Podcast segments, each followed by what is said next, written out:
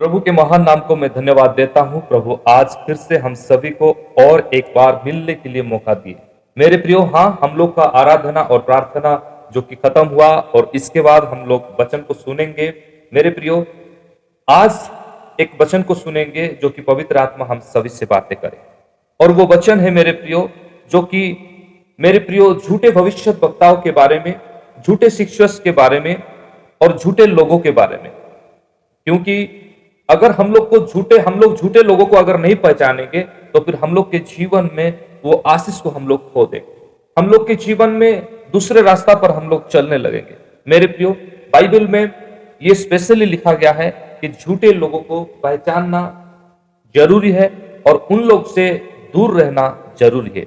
चलिए हम लोग बाइबल निकालती है, निकालते हैं, जो कि और पहला नियम में मेरे प्रियो, न्यू टेस्टामेंट नियम में और दूसरा पत्रस, उसका दो का एक से चार में क्या लिखा गया है?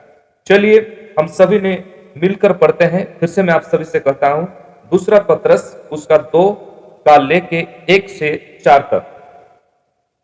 यहाँ लिखा गया, मेरे प्रियो, जिस प्रकार उन लोगों में झूठे भविष्य वक्ता थे, उसी प्रकार तुम में भी झूठे उपदेशक होंगे। यहाँ पर हम लोग स्टेप स्टेप जाएँगे।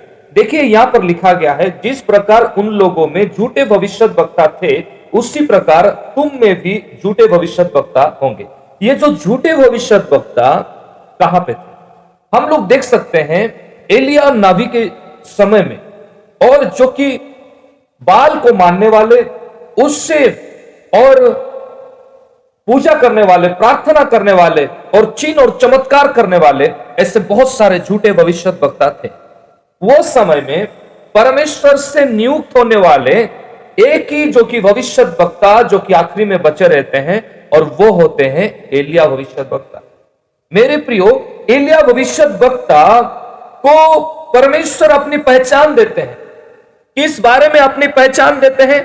परमेश्वर अपनी पहचान, मेरे प्रियो परमेश्वर जो अपनी पहचान देते हैं, कहीं तरह का आश्चर्य करके, जो कि एलिया भविष्य वक्ता के साथ खुद परमेश्वर खड़े हैं, खुद परमेश्वर साथ है, ये विषय को परमेश्वर एलिया भविष्य वक्ता के जीवन में, यानी कि हम लोगों के लिए, शिक्षा देने के लिए, एक उत्साहित के लिए, आगे बढ़ने के लिए, आत्मिक जीवन में आगे आने के लिए हम लोग परमेश्वर की पहचान को एलिया नावी के जीवन में, यानी एलिया भविष्य वक्ता के जीवन में हम लोग देख सकते हैं। और वो समय में जैसे कि 450 जन झूठे भविष्य वक्ता थे, और ये झूठे भविष्य वक्ताओं को नाश करने के लिए एलिया भविष्य वक्ता एक दिन इसराइल लोगों को और सभी को बुलाते हैं और एक मेरे प्रियो, एक प्रार्थना की, यानी कि मेरे प्रियो, उन लोग जो बनाते हैं, परमेश्वर को जो दान देने के लिए, परमेश्वर के साथ समर्पित होने के लिए, यानी कहीं पशु को काटते हैं, जो कि लकड़ी का वो बना के, और मेरे प्रियो भविष्य वक्ता कहते हैं कि वो अगर ज़िंदा खुदा है, तुम लोग का अगर परमेश्वर सच्चा है तो फिर तुम लोग बुलाओ, नहीं तो मैं बुलाऊँगा, और मेरा परमेश्वर क्या लाएगा? आग लाएगा। मेरा परमेश्वर खुद आग बरसेगा। मेरा परमेश्वर खुद मेरा प्रार्थना सुनेगा। मैं आपसे कहना चाहता हूँ, यहाँ पर जो झूठे भविष्य वक्ता है और थे, उन लोग के समय में एलिया भविष्य वक्ता के जीवन में अनेक लोगों को जो कि बचाने के लिए और अनेक लोगों को जो कि परमेश्वर अपने राज्यों में लाने के लिए, अनेक लोगों का जीवन को बदलने के लिए एलिया भविष्य वक्ता के साथ और परमेश्वर खड़े होते हैं और कहीं तरह का चमत्कार करते हैं। कई तरह का चमत्कार करते हैं। मेरे प्रियो आज मैं आप लोगों से बात, बा, बातें करता हूँ और विशेष करके मेरे मुँह के ज़रिए जो कि पवित्र आत्मा बातें करते हैं क्या बातें करते हैं आप ध्यान से सुनिए वचन को क्योंकि ये हम लोग के जीवन में होना ज़रूरी है। क्यों? क्योंकि देखिए आज कलिसिया इस लेवल पर नीचे गिर गया है। क्या नीचे गिर गया है? आखिर में अगर कोई भी चिन्ह चमत्कार हो कोई भी मीटिंग में कोई भी दास के ज़रिए, कोई भी और लोगों के ज़रिए तो फिर उन लोग ये कहने लगते हैं कि मिराकल के पीछे मत भागो। आश्चर्य कर्म के पीछे मत भागो। आज की जो वचन है, ये हम लोगों से शिक्षा देती है कि एलिया भविष्य वक्ता के जीवन में, एलिया नावी के जीवन में, परमेश्वर ने अपना पहचान को देने के लिए वहाँ पर आश्चर्य कर्म किए। वहाँ पर आश्चर्य कर्म किए और ये आश्चर्य कर्म के द्वारा और इज़राइल के देश में जो जो नीचे गिरने वाले थे, जो जो कि परमेश्वर को विश्वास नहीं करते थे, उससे परमेश्वर उन सभी ने विश्वास किए। आपको यह मालूम होगा, दानियल के वजह से जो कि उस समय में वो संसार पर, उन राज्य पर नियम को लागू किया गया और जबकि दानियल ने और प्रार्थना करते समय, सिंहों के बीच रहते समय उनको कुछ तकलीफ़ नहीं आई। तब राजा ने तुरंत घोषित किया कि इनके प्रभु को हम लोगों को क्या करना चाहिए, मानना चाहिए, क्योंकि यह सच्चा प्रभु है। मिराकल होना गलत नहीं है, क्योंकि इंसान के द्वारा मिराकल नहीं होता है। लेकिन जो कि मिराकल गिफ्ट को पाने के बाद खुद गलत लाइफ बिताते हैं। खुद, मेरे प्रियो, गलती संगति में आते हैं। जैसे कि दूसरा पत्रस में वहाँ पे लिखा गया है और उन लोग के जीवन में, जिस प्रकार उन लोगों में झूठे भविष्य वक्ता थे, उसी प्रकार तुम में भी झूठे उपदेशक होंगे, जो नाश करने वाले पाखंड का उद्घाटन छिप छिप कर करेंगे, और उस प्रभु का जिसने उन्हें मोल दिया है, इनकार करेंगे और अपने आप को शीघ्र विनाश में डाल देंगे। मेरे मेरे प्रियो, आपसे मैं कहना चाहता हूँ, यहाँ पर एक वचन लिखा गया है उस प्रभु का जिसने उन्हें मोल लिया है, इनकार करेंगे। मतलब प्रभु यीशु को इनकार करेंगे। हाँ मैं उस बारे में कहना चाहता था, जो कि दूसरा पत्रस उसका और तीसरा में लिखा गया है, और वो, और वे लोभ के लिए बातें कर तुम्हें अपने लाभ का कारण बनाएँगे। मतलब क्या है? लव के लिए, लोभ के कारण, लोभ के कारण मतलब पैसा के लिए। आज बहुत सारे, जैसे कि लोग जैसे दान पाते हैं और वो क्या करते हैं? पैसा के लिए प्रोफेसी करते हैं। पैसा के लिए खुद का मिनिस्ट्री में पैसा को प्रायोरिटी देते हैं। और बिना पैसा उन लोग सेवकाई नहीं करते हैं। इन लोग वो है मेरे प्रियो, जो कि झूठे लोगों में से है। और ये झूठे लोगों में झूठे लोग आज की बचन जो कि दूसरा पत्रस उसका और एक दो का और ये तीन में लिखा गया है उन लोग के जीवन में लालच होगा। चलिए आप उनको पहचानेंगे पहचानेंगे जिसके जीवन में लालच होगा। उस बारे में कहना चाहता हूँ जो कि एलिया भविष्य वक्ता के समय में ये पहली और आ, मेरे प्रियो पहली बार में लिखा गया है। क्या लिखा गया है कि जिस प्रकार उन लोग में झूठे भविष्य वक्ता थे उसी प्रकार तुम में भी झूठे उपदेशक होंगे। याद रखिए और एलिया भविष्य वक्ता कहीं लोगों के लिए क्या बने? उदाहरण बने। कहीं लोगों को अपने लोगों, अपने साथ जुड़वाए। मतलब परमेश्वर के पास लेके आए। अगर आप धनिल भविष्य वक्ता को देखेंगे, उनके जीवन में देखेंगे, राजा कहने लगे, जबकि दीवार पर लिखा गया, ये क्या है? कोई तो नहीं बता पा रहे हैं। लेकिन वो बताए क्योंकि उनके अंदर परमेश्वर की आत्मा थी तब उनको यह कहा गया कि मैं सोने का और आ, आपका गला में सोने का चेन दूँगा आपको सोने की वस्त्र दूँगा ये दूँगा वो दूँगा। लेकिन दानियल भविष्य वक्ता कहने लगे कि मेरे को कुछ नहीं चाहिए मेरे को कुछ नहीं चाहिए। इसका मतलब यह तय है ये जो आत्मिक शक्तियाँ आती है ये परमेश्वर के पास से आती है। परमेश्वर से जुड़ा हुआ है और इसलिए जुड़ा हुआ है क्योंकि लोग क्या करें? लोग विश्वास करें। किसको विश्वास करें? परमेश्वर को विश्वास करें। लोग ये जो विश्वास करें, और एक लोग आज के डेट में आत्मिक शक्ति को पाया है मिराकल हो रहा है। लोग ये कलस्या में विश्वासियों को घुसा देंगे। अरे चमत्कार हो रहा है। कई और झूठे लोग नहीं है तो? हाँ? कोई झूठे भविष्य वक्ता नहीं है तो? मैं आपसे कहना चाहता हूँ, ये परमेश्वर की उपस्थिति है। अगर हम लोग पुराने नियम में अगर देखते हैं तो फिर नया नियम नया नियम में क्या हुआ है? ये चमत्कार होना मेरे प्रियो, हम लोग पहले से अगर देखेंगे, मेरे प्रियो, जो कि बहुत सारे ऐसे लोग थे, बहुत सारे ऐसे लोग थे, जिन्होंने और परमेश्वर को विश्वास किया।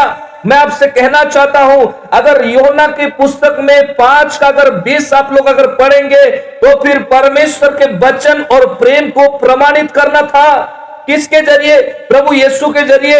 मेरे प्रियो, अगर इतनी मिराकल अगर हो रहा है, मैं आपसे बताना चाहता हूँ, जो कि लू का उसका, तेरह का सोलह पढ़िए, मैं आपसे कह रहा हूँ, मेरे को पढ़ने के लिए समय नहीं है। शैतान के ऊपर परमेश्वर की सामर्थ दिखाना था, इसलिए मिराकल होता था। मेरे प्रियो, आज हम लोग को सोचना, समझना और जानना ज़रूरी है। और लिखा गया है, एक व्यक्ति जो कि 18 साल से 18 साल से और क्या होता है? बीमारी होता है। वो ठीक से चल नहीं पाता है, लेकिन वो कलशा पर होता है। लिखा गया है लू का उसका तेरह का सोलह। अठारह साल से उसको शैतान ने बांधा था। मैं आपसे कहना चाहता हूँ 18 साल वो चर्च में जाता था 18 साल वो मीटिंग पर जाता था 18 साल वो प्रभु के पास कुछ विश्वास लेकर बैठता था, लेकिन तभी वो ठीक हो पाया जब यीशु ने खड़े होकर प्रचार करने लगे। आज बहुत सारे झूठे लोग हैं जो कि खुद को ठीक कहते हैं ज़रूर, खुद को ठीक कहते हैं ज़रूर, लेकिन मैं आपसे कहना चाहता हूँ, मैं आपसे बोलना चाहता हूँ, मेरे प्रियो, इन लोग के जीवन में अगर आप चिन्ह नहीं देखोगे, परमेश्वर की उपस्थिति नहीं देखोगे तो फिर आप विश्वास मत कीजिए, आप विश्वास मत कीजिए। क्यों? ये आज की वचन कहती है। क्यों? ये प्रभु खुद अपने चेलों को कहा। जब चेलों ने पूछे, हे प्रभु, ये झूठे शिष्य को हम लोग कैसे पहचानेंगे? ये झूठे लोगों को हम लोग कैसे पहचानेंगे? प्रभु ने बोले, उनके पेड़ों का फल को देख के पहचानो। भाई और बहनों, मैं आज आपसे पूछना चाहता हूँ, ये पेड़ का फल क्या होती है? ये पेड़ का फल क्या होती है? मैं आज आपसे पूछना चाहता हूँ। पवित्र आत्मा आज आपसे जानना चाहते हैं। आज आप खुद को ज्ञानी ठहराने के लिए आप पीछे नहीं हटते हो। आज वचन क्या कहती है आपको मालूम है? कहीं लोग जो कि, कहीं लोग कहीं लोग ये चमत्कार को जब देखे, यीशु के ऊपर विश्वास करने लगे। यीशु के ऊपर विश्वास करने लगे। अगर योहन्ना योहन्ना उसका दो का तेईस में क्या लिखा गया है? मेरे प्रियो योना दो का तेईस, में आपसे रिफरेंस बता रहा हूँ, बाद में पढ़ाई करना।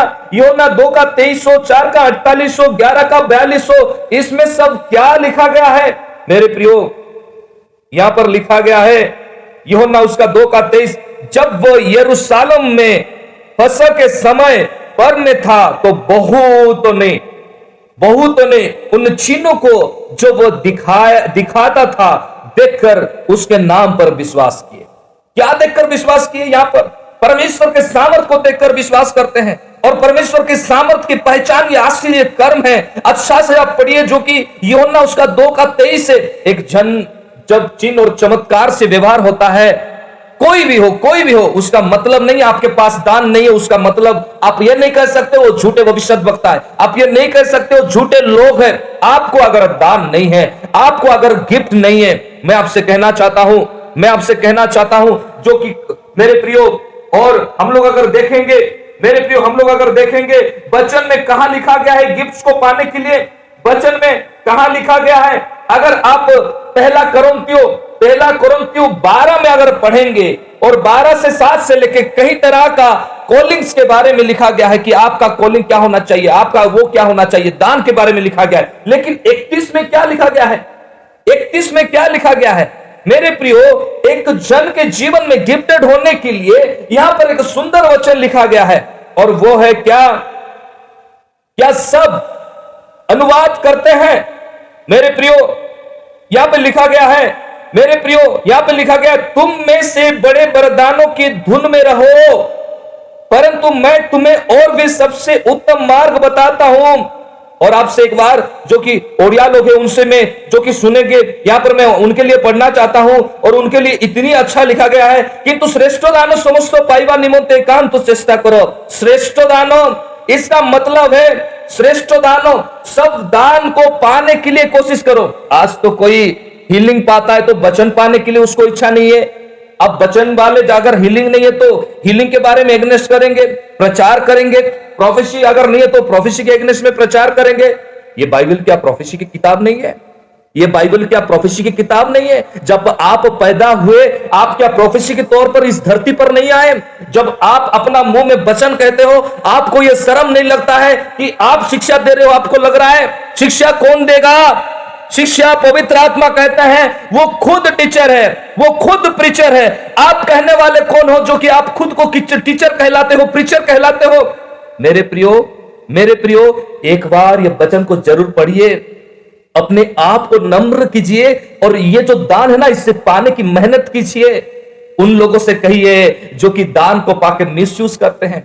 उन लोग से कहिए जो कि दान को पाने से पच्चीस हज़ार, पचास हज़ार, एक लाख और रजिस्ट्रेशन का फ़ीस करवाते हैं और लेके जाते हैं। उन लोगों से बोलिए, लेकिन वचन क्या कहती है? वचन हमें क्या सिखाती है? ये जो टीचर है प्रीचर है, वो कौन है? वो कौन है? अगर हम लोग अगर सीधा सीधा अगर देखेंगे मेरे प्रियो, ये टीचर ये प्रीचर ये कौन है? अगर हम लोग देखेंगे, ये पहला योना पहला योना, उसका दो का सताइस अगर पढ़ेंगे, कौन टीचिंग देगा? कौन प्रीचिंग देगा? कौन प्रीचिंग देगा? आज आपको लग रहा होगा कि मैं प्रीचिंग कर रहा हूँ, मैं टीचिंग दे रहा हूँ, मेरे मेरे द्वारा चमत्कार हो रहा है। आप एक माध्यम हो, चाहे आपके द्वारा मृत्यु के सब उठे ना क्यों, आप एक माध्यम हो। आप जितनी गहरी बातें आप प्रचार करेंगे, आप एक माध्यम हो। आपके द्वारा हीलिंग होगा, आप एक माध्यम हो। आपके द्वारा कहीं चिन्ह चमत्कार होगा, आप एक माध्यम हो। क्यों? अब दूसरों को क्यों बोलोगे? ये बाइबल में क्या क्या समझाता है? ये वचन में क्या कहता है? मैं आपको बाद में बताऊँगा। पवित्र आत्मा मेरे मुँह से आज बातें करके हम सभी को सिखाते हैं। पहले टीचिंग और प्रीचिंग कौन देंगे? इस बारे में हम लोग जानते हैं। पहला योना, उसका, मेरे प्रियो, पहला योना, उसका दो और सताइस में लिखा गया है। दो में से सताइस में लिखा गया है। और तुम्हारे वो अभिषेक जो उसकी ओर से किया गया। तुम में बना रहता है और तुम्हें इसका प्रयोजन नहीं कि कोई तुम्हें सिखाए। वरन जैसे वह अभिषेक जो उसकी ओर से किया गया, तुम्हें सब बातों सिखाता है। कौन सिखाता है? गौर से सुनिए, गौर से सुनिए। फिर से मैं पढ़ना चाहता हूँ। और तुम्हारा वो अभिषेक जो उसकी ओर से किया गया, किसकी ओर से आता है अभिषेक? खुद यीशु की ओर से आता है। तुम में बना रहता है, तुम में बना रहता है और तुम्हें इसका प्रयोजन नहीं कि कोई तुम्हें सिखाए कोई सिखाए इसका प्रयोजन नहीं है कौन सिखाएंगे लिखा गया है वरन जैसे वह अभिषेक जो उसकी ओर से किया गया तुम्हें सब बातों सिखाएंगे मेरे प्रियो ओडिया में लिखा गया है କିନ୍ତୁ ତୁମେମାନେ ତାହାଙ୍କ ଠାରୁ ଯେଉଁ ଅଭିଷେକ ପାଇଅଛ ତାହା ତୁମ୍ଭମାନଙ୍କ ଠାରେ ରହିଅଛି ପୁଣି କେହି ଯେ ତୁମମାନଙ୍କୁ ଶିକ୍ଷା ଦେବ ଏହା ତୁମମାନଙ୍କର ଆବଶ୍ୟକ ନାହିଁ ମାତ୍ର ତାହାଙ୍କ ଠାରୁ ଯେଉଁ ଅଭିଷେକ ତୁମେମାନେ ପାଇଅଛ ଆଉ ସେଇ ଅଭିଷେକ ତୁମମାନଙ୍କୁ ଶିକ୍ଷା ଦେବ ଆଜି ଅଭିଷେକ ଆସିବ କେମିତି ଆପଣଙ୍କୁ ଜଣା ଆଜି ଆପଣଙ୍କର ଦେହରେ ଅଭିଷେକ ରହିବ କେମିତି ଆପଣଙ୍କୁ ଜଣା ହଁ ମୁଁ ପ୍ରଶ୍ନ ପଚାରେ ଆପଣଙ୍କୁ ଜଣା ନା ଜଣା ନାହିଁ अभिषेक केमती आसीबो थोड़े प्रभु यीशु को देखो तो कैसे ये अनॉइंटिंग आएगा मेरा प्रभु ने 40 दिन उपवास था आज एक बार आपको उपवास रखने की दिल करता है मन करता है वो घुटने में आते थे वो घुटने में आते थे भाई वो प्रभु है वो यीशु है, वो क्यों घुटने में आएँगे? एक बार सोचिए। आज वो क्यों घुटने में आएँगे? एक बार सोचिए। वो प्रार्थना क्यों करेंगे? एक बार सोचिए। आपको लग रहा होगा, आपको लग रहा होगा, आप बहुत बड़े इंसान हो। आपको दिन रात वचन पढ़ने के लिए समय है, लेकिन घुटने में आने के लिए समय नहीं है। प्रार्थना के ज़रिए अभिषेक आती है। प्रार्थना के ज़रिए परमेश्वर की सामर्थ आती है। और ऐसे व्यक्ति नहीं है बाइबल में जो कि बिना प्रार्थना करके परमेश्वर के साथ लगाम हुआ हो, बिना प्रार्थना करके और परमेश्वर के साथ जुड़ा हुआ हो। मेरे प्रियो मेरे प्रियो, कहीं व्यक्ति है, चाहे इब्राहिम इब्राहिम से लेके, चाहे आप न्यू टेस्टामेंट को किसी को भी देखिए, बहुत सारे लोगों के जीवन में चिन्ह और चमत्कार और परिवर्तन हुआ और तब वो नगर चाहे एक भी और प्रभु के लोग नहीं थे, लेकिन कॉर्नलियस जैसे एक व्यक्ति थे जो कि प्रार्थना करते थे, जिसके बारे में बाइबल कहती है, उनके परिवार सारे लोग और प्रभु के पास एक विश्वासी थे और उनके ज़रिए परिवर्तन हो गया। आप खुद को 40 साल का मसीहा बताते हो, मसीह लोग बताते हो, आपके ज़रिए कौन परिवर्तन होते हैं भाई? बहन, आपके ज़रिए कौन परिवर्तन होते हैं? आपको ये लगता है मैं साठ साल का मसीह हूँ, आपको साठ बातें याद है? आपको दस बातें याद है जो कि आपके गुनाह आप कबूल करते हैं। हा? आपके गुनाह आप कबूल करते हैं। क्या लिखा गया है? मेरे प्रियो मेरे प्रियो, हम लोगों को यह जानना ज़रूरी है। हम लोग बचन बचन क्या कहती है? और बचन को महत्व देना ज़रूरी है। बचन के साथ जुड़ के आगे रहना ज़रूरी है। मेरे प्रियो, इसलिए वचन में लिखा गया है, अगर हम लोग उसका रोमियो का चैप्टर दो का चौबीस से अगर पढ़ना शुरू करेंगे वहाँ पर क्या लिखा गया है? मेरे प्रियो, यहाँ पे लिखा गया है, क्योंकि तुम्हारे कारण अन्य जातियों में परमेश्वर का नाम अपमानित हो रहा है। जिसे जैसा लिखा भी है, मेरे प्रियो, यहाँ पर इतनी अच्छा लिखा गया है। मैं कुछ पढ़कर सुनाता हूँ, ओडिया में पढ़कर सुनाता हूँ, क्योंकि बहुत सारे लोग जो है वो उन लोग मेरे नंबर पे मैसेज किए थे और जो कि ओडिया में पढ़कर सुनाने के लिए मेरे प्रियो, यहाँ पर मैं एक बार पढ़ के सुनाता हूँ ओडिया में, और जो कि रोमियो पुस्तक, उसका दो का चौबीस, बीस से पढ़ लेता हूँ। यहाँ पे लिखा गया है যদি তুমি আপনার অন্ধর পথ প্রদর্শক अंधकार वासी আলোক মূর্খর সংসারক ও শিশু মানকর শিক্ষক বলে विश्वास করুছ ତେବେ ପରକୁ ଶିକ୍ଷା ଦେଉଅଛ ଯେ ତୁମ୍ଭେ ତୁମ୍ଭେ କଣ ଆପଣାକୁ ଶିକ୍ଷା ଦେଉନାହ ଚୋରି କର ନାହିଁ ବୋଲି ପ୍ରଚାର କରି ତୁମ୍ଭେ କି ଚୋରି କରୁଅଛ ବେବିଚାର କର ନାହିଁ ବୋଲି କହିକି ତୁମ୍ଭେ କି ବେବିଚାର କରୁଅଛ ପ୍ରତିମା ଘୃ- ଘୃଣା କରୁଅଛ ଯେ ତୁମ୍ଭେ ତୁମ୍ଭେ କଣ ମନ୍ଦିର ଲୁଣ୍ଠନ କରୁଅଛ देखिए यहां पर इतनी गहरी बातें लिखा गया है मैं इसलिए पढ़ रहा हूं क्योंकि बहुत सारे लोग मेरे को और ओडिया मैसेज थोड़ा पढ़ने के लिए, हालाँकि हम लोग स्क्रीन शेयर में शेयर करेंगे, यहाँ पर लिखा गया है, जो अंधा है ना, वो कभी रास्ता नहीं दिखा सकता। जो अंधा है, वो कभी रास्ता नहीं दिखा सकता। आपके जीवन में, आप परमेश्वर के सामत में तभी परिपूर्ण हो पाएँगे, जब आपकी खुद की गलती को निकाल कर फेंक देंगे। आज बहुत सारे लोग हैं, जो कि पैसा के लिए प्रचार करते हैं, जो कि पैसा के लिए खो जाते हैं, और इस तरह इस तरह खुद की विश्वासियों को बर्बाद कर रहे हैं, खुद के नाम के लिए, खुद की प्रशंसा के लिए, खुद आगे बढ़ने के लिए। मेरे प्रियो मेरे प्रियो अगर हम लोग दूसरा पत्रस, उसका और धीरे धीरे हम लोग पढ़ेंगे और वहाँ पे इतनी गहरी बातें लिखा गया है और क्या लिखा गया है, अगर दूसरा पत्रस, उसका दो का दो अगर पढ़ेंगे और बहुत सारे उनके समान लुचपन करेंगे, जिनके कारण सत्य मार्ग के, सत्य के मार्ग की निंदा की जाएगी। हम लोग रोमियो में पढ़े कि खुद प्रभु निंदा, निंदित हो रहे इन लोगों की वजह से। और दूसरा, पत्रस के दो के में लिखा गया है सत्य मार्ग की निंदा होगी। इसके लिए हो रहा है, आज बहुत सारे गैर मसीह सवाल करते हैं। आज एक बार आप सोचिए, गहरी से सोचिए, क्यों, क्योंकि यह सोचने की आवश्यकता है। आज आपके किनारे में कितने और अदर कास्ट वाले हैं जो कि आपको लेकर तारीफ़ करते हैं। ज़्यादा करके ऐसे समय हो गया है, अगर कोई अगर बोलेंगे, ज़्यादा नहीं पढ़ने वाले अनपढ़ कौन है? वही देखो, वो मोहल्ले वाले हैं। कौन है वो मोहल्ले वाले? चोरी करने वाले कौन है? वो मोहल्ले वाले हैं। डाकुओं में से कौन है? वो मोहल्ले वाले हैं। और मारने वाले कौन है? ज़्यादा इधर उधर मतलब कुछ खराब करने वाले कौन है? वो मोहल्ले वाले हैं। भाई और बहनों और प्रभु के दासों, जरा कान खोलकर सुनना। आपका ज़िम्मेदारी महलों को बदलना है। महलों को खराब करना नहीं है। आपसे ये पवित्र आत्मा, आपसे ये चेतावनी देते आपसे ये कहते हैं, आपका काम है महलों को बदलना। आज कितना साल हो गया, आपके कलेशिया के अंदर जो कि लोग ये कहते हैं कि मैं बदल गया हूँ, कितना साल हो गया कि मैं दारू पीना छोड़ दिया, मैं व्यभिचार करना छोड़ दिया।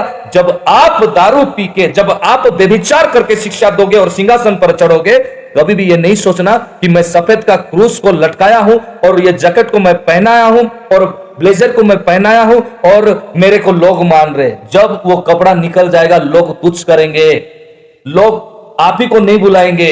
लोग आपको पहचानने, जब पहचानेंगे ना, तब आपको नहीं बुलाएँगे। हाँ आपको दर्द हो रहा होगा ज़रूर, लेकिन उससे ज़्यादा मेरा यीशु को दर्द हो रहा है। उससे ज़्यादा मेरा प्रभु को दर्द हो रहा है। आपका समर्पित जीवन नहीं है, लेकिन मेरा प्रभु खुद इंसान के रूप में आया और खुद सूली पर चढ़ गया। इसलिए फिर से मैं आपके लिए मैं पढ़ना चाहता हूँ और यह लिखा गया है, दूसरा पत्रस उसका दो का दो में, और बहुत सारे उनके समान लुपचप करेंगे, जिनके कारण सत्य के मार्ग की निंदा होगी। क्या आज मेरा प्रभु में कुछ मिथ्या आप देखे थे, मेरा प्रभु में कुछ पाप आप देखे थे।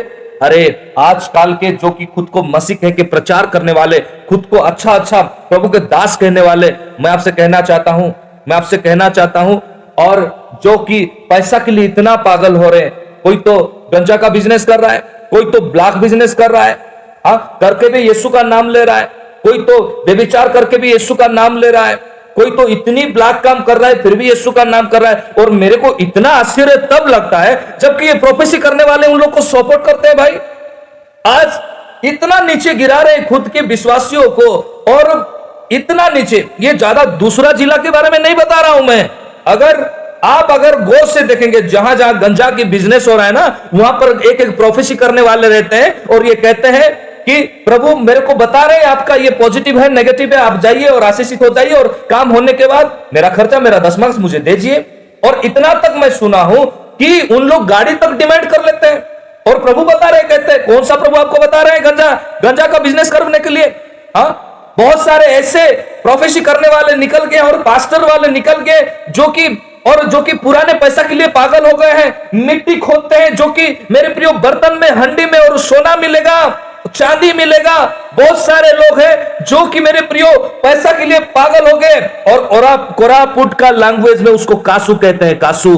कासू व्यापारी माने। ଯେଉଁମାନେ ଯୀଶୁଙ୍କର ନାମ ନେଇକି ଛଳନା କରୁଛ ନିଜକୁ ପାଳନ ବାଳକ ବୋଲି କହୁଛ ଜାଗ୍ରତ ହେଇଯାଉ ଜାଗ୍ରତ ଯେତେବେଳେ ପାରାଲାଇଜ ହବ ଯେତେବେଳେ ପାଏଲ୍ସ ହବ ସେତେବେଳେ ଜଣା ପଡିବ ଛୁଞ୍ଚେଇଲା ବେଳେ ମୂଲ୍ୟ କଣ ଯେତେବେଳେ ବଥା ହବ ସେତେବେଳେ ଜଣା ପଡିବ ନା ପୁଅ ନା ଝିଅ ନା କିଏ ପଚାରିବେ ନାହିଁ ଆଉ ଯେତେବେଳେ କି କହିଦେବେ "ଏ, କେବେ ମରିବ ତୁ ତୁ କେବେ ମରିବୁ ଏତେବେଳେ ଜଣା ପଡିବ କାହିଁ ମୋର ପୁଅ ପଚାରୁ ନାହିଁ କାହିଁ ମୋର ଝିଅ ପଚାରୁ ନାହିଁ ଆଜି ପ୍ରଭୁଙ୍କର ଅନୁଗ୍ରହ ଆପଣଙ୍କ ଜୀବନରେ ଅଛି ସୁଧରିବା ପାଇଁ ସୁଯୋଗ ମିଳିଛି ପ୍ରଭୁଙ୍କର ନାମକୁ ନେଇକି ଆପଣ ଯୋଉ ବିଜନେସ କରୁଛନ୍ତି କିଏ ଗଞ୍ଜେଇ ବିଜନେସ କିଏ କାଶୁ ବିଜନେସ କିଏ ପ୍ରଫେସି କରିକି ଟଙ୍କାର ଲାଳସା ରାଜା ମାନେ ସାତ ସାତ ବର୍ଷ ଉଲଗ୍ନ ଅବସ୍ଥାରେ ଲଙ୍ଗଳା ହେଇକି ଘାସ ଖାଇ ବୁଲିଲେ ସେମାନଙ୍କର ସେଇ ଗର୍ଭ ସକାଶେ ଆପଣ କିଏ वर यू किए? आप कौन हो? आप कौन हो? प्रभु के नाम को निंदा करने वाले और प्रभु के बारे में दूसरा कहने वाले? इसलिए पत्रस के, पत्रस में, दूसरा पत्रस में ये लिखा गया है। क्या लिखा गया? इसमें एक गहरी बात लिखा गया, मेरे प्रियो। छिप छिप कर करेंगे और उस प्रभु का जिसने उन्हें मोल लिया है, इनकार उनको करेंगे। किससे इनकार करेंगे? प्रभु को इनकार करेंगे। और मैं आपसे कहना कहना चाहता हूँ ओडिया में इतना सुंदर लिखा है କିନ୍ତୁ ଲୋକମାନଙ୍କ ମଧ୍ୟରେ ଭଣ୍ଡ ଭାବବାଦୀ ମାନେ ମଧ୍ୟ ଉତ୍ପନ୍ନ ହେଲେ ସେହିପରି ତୁମ ମାନଙ୍କ ମଧ୍ୟରେ ସୁଦ୍ଧା ଭଣ୍ଡ ଶିକ୍ଷକ ମାନେ ଉତ୍ପନ୍ନ ହେବେ ସେମାନେ ବିନାଶଜନକ ଭ୍ରାନ୍ତ ମତ ଗୁପ୍ତରେ ପ୍ରଚଳନ କରି ସେମାନଙ୍କର କ୍ରୟକର୍ତ୍ତା ପ୍ରଭୁଙ୍କୁ ହିଁ ଅସ୍ୱୀକାର କରିବେ ପୁଣି ଆପଣା ମାନଙ୍କର ଆକସ୍ମିକ ସର୍ବନାଶ ଘଟାଇବେ एक सुंदर बातें बताना चाहता हूं जो कि पवित्र आत्मा कहते हैं आपको पहचानना है ये झूठे लोगों को ଆପଣଙ୍କୁ ଚିହ୍ନିବାର ଅଛି ଏ ଭଣ୍ଡ ଲୋକମାନଙ୍କୁ ଆପଣ ଯେତେବେଳେ ଭଣ୍ଡ ଲୋକଙ୍କ ଠାରୁ ପ୍ରେୟର କରାଉଛନ୍ତି କିମ୍ବା ଯାଉଛନ୍ତି ଆପଣ ଲେଖିକି ରଖନ୍ତୁ ଅଠଚାଳିଶ ଘଣ୍ଟା ଭିତରେ ଆପଣଙ୍କ ପରିବାରରେ ଯଦି କିଛି ନେଗେଟିଭ ନ୍ୟୁଜ ଆସୁଛି ଯଦି କିଛି नेगेटिव न्यूज आसुची अगर कोई नकारात्मक विषय हो रहा है प्रभु ना करे ये हो लेकिन बाइबल में लिखा गया है ये होगा ये होगा क्यों एटी एटी लिखा जाए ସେମାନଙ୍କର କଣ ହବ ଆକସ୍ମିକ ସର୍ବନାଶ ଘଟାଇବ ଆଜି ବହୁତ ଲୋକମାନଙ୍କୁ ଉଦ୍ଦୀପନା ସଭା କରିବାକୁ ଇଚ୍ଛା ଆଉ ବହୁତ ଲୋକଙ୍କୁ ଆତ୍ମିକ ଜୀବନ କେମିତି ତିଆରି ହବ ଷ୍ଟେଜରେ ଲୋକ କେମିତି ଆଉ ଯେତେ ଲୋକ ଦେଖିବେ ପରିବର୍ତ୍ତନ ହବ ଏଇଟା ମ୍ୟାଟର ନଥିବ ଏମାନେ ଗୋଟେ ଗୋଟେ ନିଜେ ନିଜେ ଷ୍ଟାର ହେଇଗଲେଣି କୋଉ ଷ୍ଟାର ଜାଣିଛନ୍ତି ବଲିଉଡ ଷ୍ଟାର ହଲିଉଡ ଷ୍ଟାର ଏମାନେ କଣ କରିବେ ନିଜେ ଏ ପ୍ରକାର ଭାବରେ ଷ୍ଟେଜରେ ଦେଖାଇ ହେବେ ନିଜର ଘମଣ୍ଡକୁ ଏତେ ରଖିବେ ନିଜର ଗର୍ବକୁ ଏତେ ରଖିବେ ଏମାନଙ୍କ ଦ୍ଵାରା କି ଆଳୁ ବାଇଗଣ ଚମତ୍କାର ହବ ହଁ ବାକ୍ୟ କହେ ଯେଉଁ ଲୋକ ମନ୍ଦ ଆତ୍ମାରେ ପରିପୂର୍ଣ୍ଣ ଥାଏ ତାର ମଧ୍ୟ ଦେଇ ତାକୁ ସେ ଯଦି ଘରରେ ପାଦ ଦିଏ କିମ୍ବା ଗ୍ରାମକୁ ଯଦି ପାଦ ଦିଏ ଗଲା ପରେ ଅଠଚାଳିଶ ରୁ ଧରି ନିଅନ୍ତୁ ହାର୍ଡଲି ତିନି ଦିନ ଭିତରେ ଦୁର୍ଘଟଣା ଆସିବ ଗାଁରେ ଆପଣ ଚିହ୍ନନ୍ତୁ ଆପଣ ଯଦି ଗୋଟେ ଭଣ୍ଡକୁ ଡାକି ଯଦି ଷ୍ଟେଜରେ ଚଢାଇଛନ୍ତି ତିନି ଦିନ ମଧ୍ୟରେ ଆପଣଙ୍କର ଫ୍ୟାମିଲିରେ କିଛି କ୍ରାଇସିସ୍ ଆସୁଛି ତିନି ଦିନ ମଧ୍ୟରେ ଆପଣଙ୍କର ସମାଜରେ କିଛି କ୍ରାଇସିସ୍ ଆସୁଛି ଏଇଟା କୌଣସି ଅଭିଶାପ ଦିଆ ହଉନାହିଁ ଏଇଠି ଲେଖା ହେଇଛି କଣ ଲେଖା ହେଇଛି କିନ୍ତୁ ଲୋକମାନଙ୍କ ମଧ୍ୟରେ ଭଣ୍ଡ ଭାବବାଦୀ ମାନେ ମଧ୍ୟ ଉତ୍ପନ୍ନ ହେଲେ ସେହିପରି ତୁମମାନଙ୍କ ମଧ୍ୟରେ ସୁଦ୍ଧା ଭଣ୍ଡ ଶିକ୍ଷକ ମାନେ ଉତ୍ପନ୍ନ ହେବେ ସେମାନେ ବିନାଶଜନକ ଭ୍ରାନ୍ତ ମତ ଗୁପ୍ତରେ ପ୍ରଚଳନ କରି ସେମାନଙ୍କର କ୍ରୟକର୍ତ୍ତା ପ୍ରଭୁଙ୍କୁ ହିଁ ଅସ୍ୱୀକାର କରିବେ ପୁଣି ଆପଣା ମାନଙ୍କର ଆକସ୍ମିକ ସର୍ବନାଶ ଘଟାଇବେ ଏ ସର୍ବନାଶ କା ମତଲବ କ୍ୟା ହେ ये ये सर्वनाश का मतलब क्या है? ये सर्वनाश का मतलब वो है, जब भी झूठा इंसान आता है ना, तब आशीष को लेके नहीं आता है। क्यों? पतरस चलते समय लोगों ने अपने लोगों को सुला देते थे और उनका छाया जैसे ही उनका ऊपर आता था, वो चंगाई पाते थे। आज क्यों ऐसा नहीं होता है? आज क्यों ऐसा नहीं होता है? क्योंकि लोग का जीवन में प्रायोरिटी आ गया है। शैतान एक काम क्या? क्या काम क्या आपको मालूम है? शैतान लोग एक विचार करते हैं। और वो विचार क्या है? जब उन लोग बैठ के, उदाहरण के तौर पर आपसे कहना लगता क्या कहना चाहता, उन लोग बैठ के जब डिसाइड किए, और अरे, लोग तो ज़्यादा करके सेल्वेशन पा रहे, परित्राण को पा रहे, क्या करेंगे हम लोग? कोई बोलता है, शैतान का दूत, मैं तो व्यभिचार का दायित्व लिया था, और मैं अपना काम ठीक कर रहा हूँ, लोग कहाँ पा रहे? दूसरा धन कहता है, मैं तो दारू का दायित्व लिया था, मैं अपना काम ठीक से कर रहा हूँ, कहाँ इन लोग सेल्वेशन पाएँगे? फिर भी लूसीफर कहता है, लोग पा रहे हैं। अब मैं एक प्लान देना चाहता हूँ। क्या प्लान आप बोलिए। और वो कहता है, अब हम लोग का लोगों को क्या करो? बाइबल पकड़कर प्रचार करने भेजो। हम लोगों का लोगों को क्या करो? कलशा के अंदर बैठाओ। हम लोगों का लोगों को क्या करो? और ट्रेनिंग भेजो। आज लोग इतना भर गए हैं प्रचार करने वाले, जो कि दारू पी के प्रचार करते हैं, व्यभिचार करके प्रचार करते हैं, और जो कि दूसरों की निंदा करके प्रचार करते हैं। इतना भर गए हैं। व्यभिचार, और ये तो पाप की दूर की बात है। अगर एक रिफरेंस में पवित्र आत्मा मेरे को कहते हैं, देने के लिए मेरे प्रियो, और वो रिफरेंस मेरे प्रियो जो कि अन्याय करता है, जो कि लोगों का अन्याय करता है, उसके जीवन में वो कभी भी स्वर्ग के राज्य में नहीं जाएगा। अगर पहला कुरंतियो उसका छह का सात और आठ अगर मैं पढ़ के सुनाऊ, वहाँ पे क्या लिखा गया है? वहाँ पे क्या लिखा गया है? पहला कुरंतियो छो का, छह का सात और आठ अगर मैं पढ़ के सुनाऊं वहाँ पे लिखा गया है, सचमुच तुम में बड़ा दोष तो यह है कि आपस में मुकदमा करते हो, वरन अन्याय क्यों नहीं सहते? आपने हानि क्यों नहीं सहते? आपने हानि क्यों नहीं सहते? उड़िया में लिखा गया, तुम में माने जो तुमে মানে যে পরস্পর বিরুদ্ধে বিচারা ভাবে অভিযোগ করুছ সেতিরে তুমি মানে নিতান্ত দোষী বরং কাহিকি অন্যায় সহু নাহ বরং क्षति अंगीकार करू ना हो। यहाँ पे अगर आप पूरा अगर वचन को पढ़ेंगे पहले से तो फिर व्यभिचारी नर्क में जाएगा, मिथ्याचारी यह जब नर्क में जाएगा, उसके बाद यह वचन पहले में लिखा गया है, जो कि मुकदमा करे दूसरों के बारे में बोले एगेंस्ट के बारे में बोले, वो स्वर्ग में कभी नहीं जाएगा। वो एक कपटी इंसान है। और यीशु ने बता दिए, जो कि प्रार्थना करते हैं और विशेष करके कपटी प्रार्थना करे, उसका प्रार्थना मेरे पास आना ज़रूरी नहीं है। उसकी प्रार्थना मेरे पास पहुँच भी नहीं सकती। क्यों? क्यों आज परिवार में क्राइसिस जुड़ा हुआ है? क्यों आज बेटा और बेटी के जीवन में अशांति हो रहा है? क्यों आपके फाइनेंशियली क्राइसिस नहीं रहता है? फिर भी आपके बेटे इतने और अच्छे रहते हैं। आप उनको नौकरी करवाते हैं आप उनको बिजनेसमैन करवाते हैं लेकिन क्यों आप ए, आपको एक कप चाय नहीं मिलता है? क्यों? आप दूसरे के बारे में चर्चा करते हो मेरे प्रियो। आपके अंदर वो कपटी घुस गया है परमेश्वर की वचन यह हमें नहीं सिखाती है, परमेश्वर की वचन सिखाती है कि आप सच्चाई में परिपूर्ण हो, आत्मा में परिपूर्ण हो, और ओडिया में लिखा गया है, सत्य आत्मा रे जो माने आराधना करती। से मानकर हमें प्रार्थना सुनिबा आज अपना मुँह को सजाकर आप, आपको एक, जैसे कि आपको एक, आप एक प्राइम मिनिस्टर है, उस आपका पीए आपको आके लिख के देता है, और वैसे सजा कर आप प्रार्थना करेंगे आपके अंदर क्या है, वो प्रभु देखेंगे, क्योंकि आपका कलेजा, आपका शरीर का और हार्ट का पार्ट को ना मेरा प्रभु ने बनाए हुए हैं। खुद के अंदर इतनी घमंड हो, खुद के अंदर इतनी दुर्बलता हो, और ये हम लोग बोलेंगे, यीशु प्रभु, तू ग्रहण कर। मेरा यीशु के अंदर पाप का नाम निशान नहीं था। अब जब वो पाप को लेके हम लोग जाएँगे, वो कैसे सुनेंगे? ज़रूर प्रभु ने पापी के लिए आए थे, लेकिन वो पाप को नफरत करते हैं पापों को से घृणा करते और फिर से और एक बार वो सूली पर चढ़ने के लिए नहीं आएँगे मेरे प्रियो। ये मत सोचना कि फिर से दोबारा आएँगे सूली पर चढ़ेंगे मेरे लिए। आज हम लोगों को पहचानना है हम लोगों को संगति को चुनना है। अगर आप आम के पेड़ के पास जाए आम की खुशबू होगा। जाम के पेड़ के पास जाए जाम की खुशबू होगा। वैसे ही कांटाओं के पेड़ के पास अगर आप बगच में आप, अगर आप जाओगे तो फिर आपका पेड़ में कांटा ही लगेगा। आपको କାହିଁକି ମୋର ପ୍ରଭୁ ଶୁଣୁନାହାନ୍ତି ଏତେ ଡାକୁଛି ମୋର ପ୍ରଭु ମୋର ପୁଅ ହିଁ କାହିଁକି ଏମିତି ହଉଛି मेरा बच्चा ही क्यों ऐसा गिर रहा है मेरे जीवन में क्यों अशांति आ रहा है प्रभु ने बोले एक बीज बोने वाला बोने लगा लेकिन पत्थर की और वो काटा की और वो वो नहीं होना चाहिए आप में काटा है कि नहीं आपको मालूम है आपके पास पत्थर है कि नहीं आपको मालूम है आपके जीवन में क्या है वो आपको मालूम है आज वो समय है आज वो घड़ी है खुद को परिवर्तन करना है अगर आप परिवर्तन नहीं होना चाहते हो तो खुद के जीवन में अशांति लाना है। मेरे प्रियो, मेरा कहने का मतलब है, आज झूठ इंसान को पहचानिए। आज वचन को, हम लोग के जीवन में वचन का कमी होने के कारण हम लोग किसी तरह बातें भी करते हैं।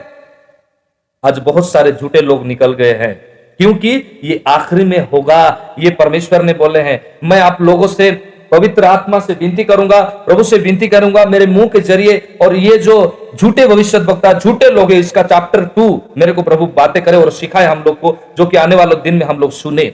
मेरे प्रियो, मैं केवल आपसे ये कहना चाहता हूँ, ये जो वचन में लिखा गया है, और पहली योना उसका दो का सत्ताईस में, जो अनोइंटिंग जो अभिषेक है ना, वो शिक्षा देगा।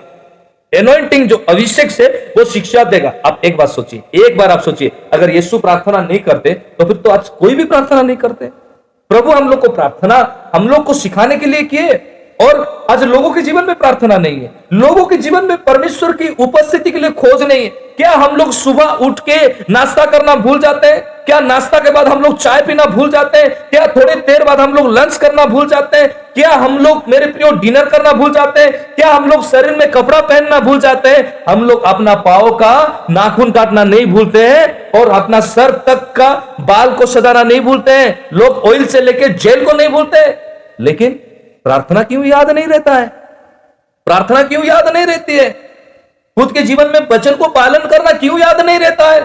क्यों हम लोग एक बार नहीं सोचते? आज 24 फोर आवर्स हम लोगों को प्रभु सेव किए, उसके बाद मेरा गुनाह क्या है? जो कि मैं गुनाह को किया और गलती को किया और मैं एनर्टी को खो रहा हूँ। जब इंसान खुद का नकारात्मक को देखने लगेगा, वो इंसान और परमेश्वर की उपस्थिति में भर जाएगा। आज लोग इतने झूठे के सहारा ले रहे हैं, झूठे का वचन सुन रहे हैं। खुद को क्यों टेम्प नहीं कर रहे हैं?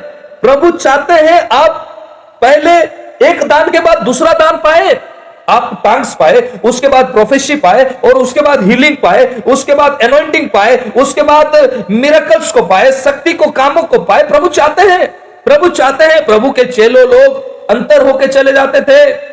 प्रभु के चेले लोग, गायब होके चले जाते थे। कोई हम लोग के देश में तो थोमा है ना, वो प्रार्थना किए पहले और पानी को दे दिए, प्रभु ने पानी को ले लिए। आज तो लोग आर्ग्यूमेंट करते हैं, कहा पर्वत तो टल नहीं रहा है, कहा पर्वत तो और उठ के नहीं जा रहा है। मैं आपसे कहना चाहता हूँ, प्रभु ने सिखाए और जब एक बीज के समान अगर विश्वास हो तो फिर वो पर्वत को दूर होने के लिए बोलो। उस, इसका प्रॉपरली मीनिंग है, आप शुरुआत कीजिए। आपके मुँह में वो सामर्थ्य के साथ घोषणा आना ज़रूरी है। आपके मुँह में वो बोलना ज़रूरी है। मेरे प्रियो मेरे प्रियो, आज मौका है हम लोग के जीवन में। आज मौका है हम लोग को जीवन में अपना जीवन को सुधारने के लिए। और मैं आपसे कहना चाहता हूँ, प्रभु जो बोले अपने चेलो लोगों को, वो इसलिए नहीं बोले। और ये क्या गहरी बातें बताए कि फल को देखकर पहचानो। आज लोगों के अंदर नफरत नफरत का फल को आप देखने लगोगे तो उससे मत विश्वास कीजिए। आज जो कि विचार करके प्रचार करता है, उससे आप विश्वास मत कीजिए। जो झूठ का सहारा लेता है, वचन आगे में पढ़ के सुनाने के लिए मेरे को, मेरे पास समय की कमी है, फिर भी मैं दूसरा चैप्टर टू लूँगा इस बारे में। मेरे प्रियो, पवित्र आत्मा सिखाएँगे, पवित्र आत्मा हम लोगों को, हम लोगों के साथ बातें करेंगे। यहाँ पर अगर आप रोमियो, उसका अगर, मेरे प्रियो, अगर रोमियो पुस्तक में जो कि सीधे तौर पर लिखा गया है, उन लोग कान के कान में बातें करेंगे, दूसरों के बारे में कहेंगे, वो करेंगे वो करेंगे। आने वाले चैप्टर में आप लोगों के साथ में जुड़ के रहूँगा, बताऊँगा क्या होती है, ये जो झूठे भविष्य वक्ता कौन है, झूठे शिष्य कौन है। आप तो इतना ज्ञानी बन गए हो, और आप शिक्षा देने के बाद विश्वासियों को पूछना तक नहीं भूलते हो। मेरा शिक्षा कैसा लगा? आप जैसे एक नेटवर्किंग बिज़नेस करते हो गाँव गाँव में आप पाँच दस दस जन को रखते हो, आपको मीटिंग के लिए आप तैयार रखते हो।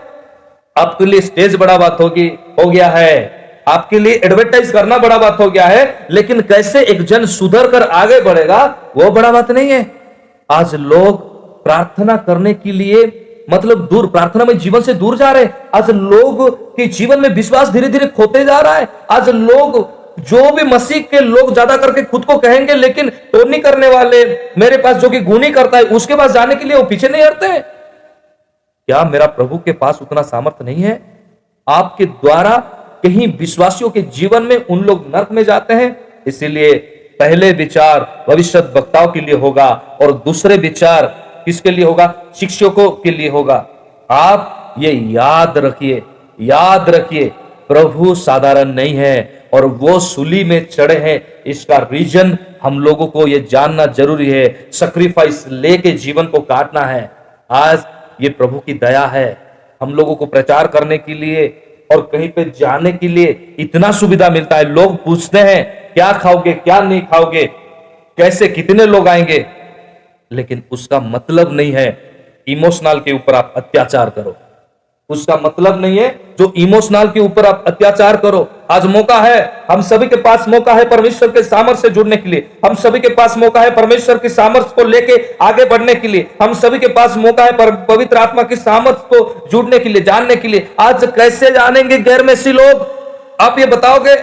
आप ये बताओगे क्या उन लोग को मालूम नहीं है? यीशु आए थे और वो मरने के बाद तीसरा दिन जी उठे, उसके बाद मेरे प्रियो और फिर से चालीस दिन रह चले गए। क्या? वो नहीं बोल सकेंगे। मसीह जब प्रचार करते थे, वो समय में मिरकल होता था। वो समय में चमत्कार होता था। आपको याद है, आपको याद है, किसी भी प्रचार में उनका चमत्कार नहीं हुआ, बोल के नहीं हुआ। आखिर में एक जगह में जो कि वो खुद के नगर में गए, वहाँ पे चमत्कार नहीं हुआ, क्योंकि लोग उनसे और प्रेस्टीज नहीं देते थे, सम्मान नहीं देते थे। मैं आपसे कहना चाहता हूँ, ये मसीह को पकड़वाने के लिए कोई दूसरे जन नहीं गए थे, खुद के लोग थे। और मसीह को मारने वाले खुद के लोग थे, और उसको पकड़ने वाला भी उसका खुद का एक डिसाइपल्स यानी चेलो में से एक था। ये जो आरएसएस हम लोग के लिए डेंजर नहीं है डेंजर है अपने कलशिया के लोग डेंजर है अपने मसीह लोग जो कि खुद को मसीह कहलाते हैं, उनका जीवन में शर्म की बातें हैं, चालीस मिनट घुटने में नहीं आते हैं, खुद का गलती को स्मरण नहीं करते, लेकिन आर्गुमेंट करने के लिए कभी पीछे नहीं हटते हैं। आज दूसरों के बारे में, एगेस्ट के बारे में कलश्य में प्रचार होता है। ये क्या घड़ी आ गई है? क्या समय आ गया है? आपको मालूम है सेक्रीफाइस लाइफ क्या है? आप एक बार झाँक के देखिए। यीशु ने यीशु ने खुद कहा प्रभु निजे कहले मो उत्तम मेष बालक तांकर उत्तमता को देखिला परे आज आमे तांको पाए तरसुछु आपण जेतेबेले अन्यर विरुद्ध रे कहउछंती आउ सेतेबेले आपण को जीवन रे आपण काहे की भूली जाउछंती आउ जेतेबेले की आपण तांको जीवन रे समीक्षा करूछंती ना लोकर कथा रे आपण भूतेई होउछंती লোকর কথার এইটি ভণ্ডমানক ভাবরে স্পষ্ট ভাবরে লেখা যায় সেমানে কানরে যাই ছপি ছপি কথা কইবে সম্মুখরে কথা কইবে নাই আর সেইপাই সেমানকর সর্বনাশ कौन आसब? समस्या आसब। आपण जीवन आसना ना के निंदा देमेश्वर लोक विरुद्ध कथा कहला गोटे समस्या आसूची ना ना आप निजे चिंता करतु। मो प्रिय मैंने, आज समय अच्छे निजक पर आज समय है खुद को बदलने के लिए, आज समय है खुद को बदलने के लिए मैं आपसे कहना चाहता हूँ। मैं आपसे एक बात कहना चाहता हूँ। जब हम लोग अपना थाली में खाना खाते हैं अगर कुछ गंदगी अगर गिर जाए तो फिर हम लोग नहीं खाते हैं। साधारण चावल में, भात में अगर बाल गिर जाए ना, हम लोग नहीं खाते हैं। तो फिर हम लोग को इतना अच्छा होना चाहिए, जो कि प्रभु खुद बोले, तेरा शरीर मेरे लिए मंदिर है और ये मंदिर में अगर गंदगी रहेगी, नफरतता रहेगी और कुछ विवाद रहेगी, तब प्रभु हमसे ग्रहण नहीं करेंगे। इसलिए ये झूठे लोगों को पहचानने के लिए, जो कि, और मेरे को 30 मिनट प्रचार करना था, लेकिन 50 मिनट हो गया है। मैं चैप्टर टू में आप लोगों को और विनती के साथ प्रार्थना करके मैं वक्ता नहीं हूँ, लेकिन पवित्र आत्मा मेरे मुँह के ज़रिए आपको, मेरे को, सभी को सिखाएँगे। प्रभु, आप सभी को आशीषित किए और मैं फिर से कहना चाहता हूँ, हम सभी को बहुत डीपली गहरी से और आगे बढ़ना चाहिए और सभी के लिए उदाहरण होना चाहिए, उदाहरण होना चाहिए। और कहीं कहीं सारा बातें मेरे को बताना है। लोग आज दूसरों की निंदा करते हैं, लोग आज दूसरों के बारे में कहते हैं। मैं आपसे निवेदन करता हूँ, जो भी आपसे ऐसे शिक्षा दे उनसे एक बार एक बार ट्राई कीजिए, वो पैसा के लिए आ रहा है कि नहीं आ रहा है।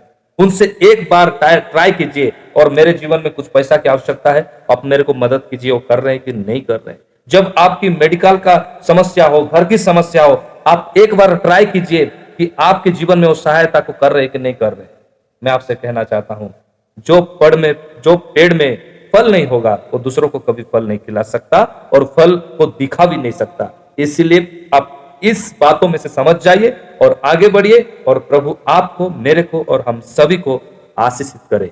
God bless you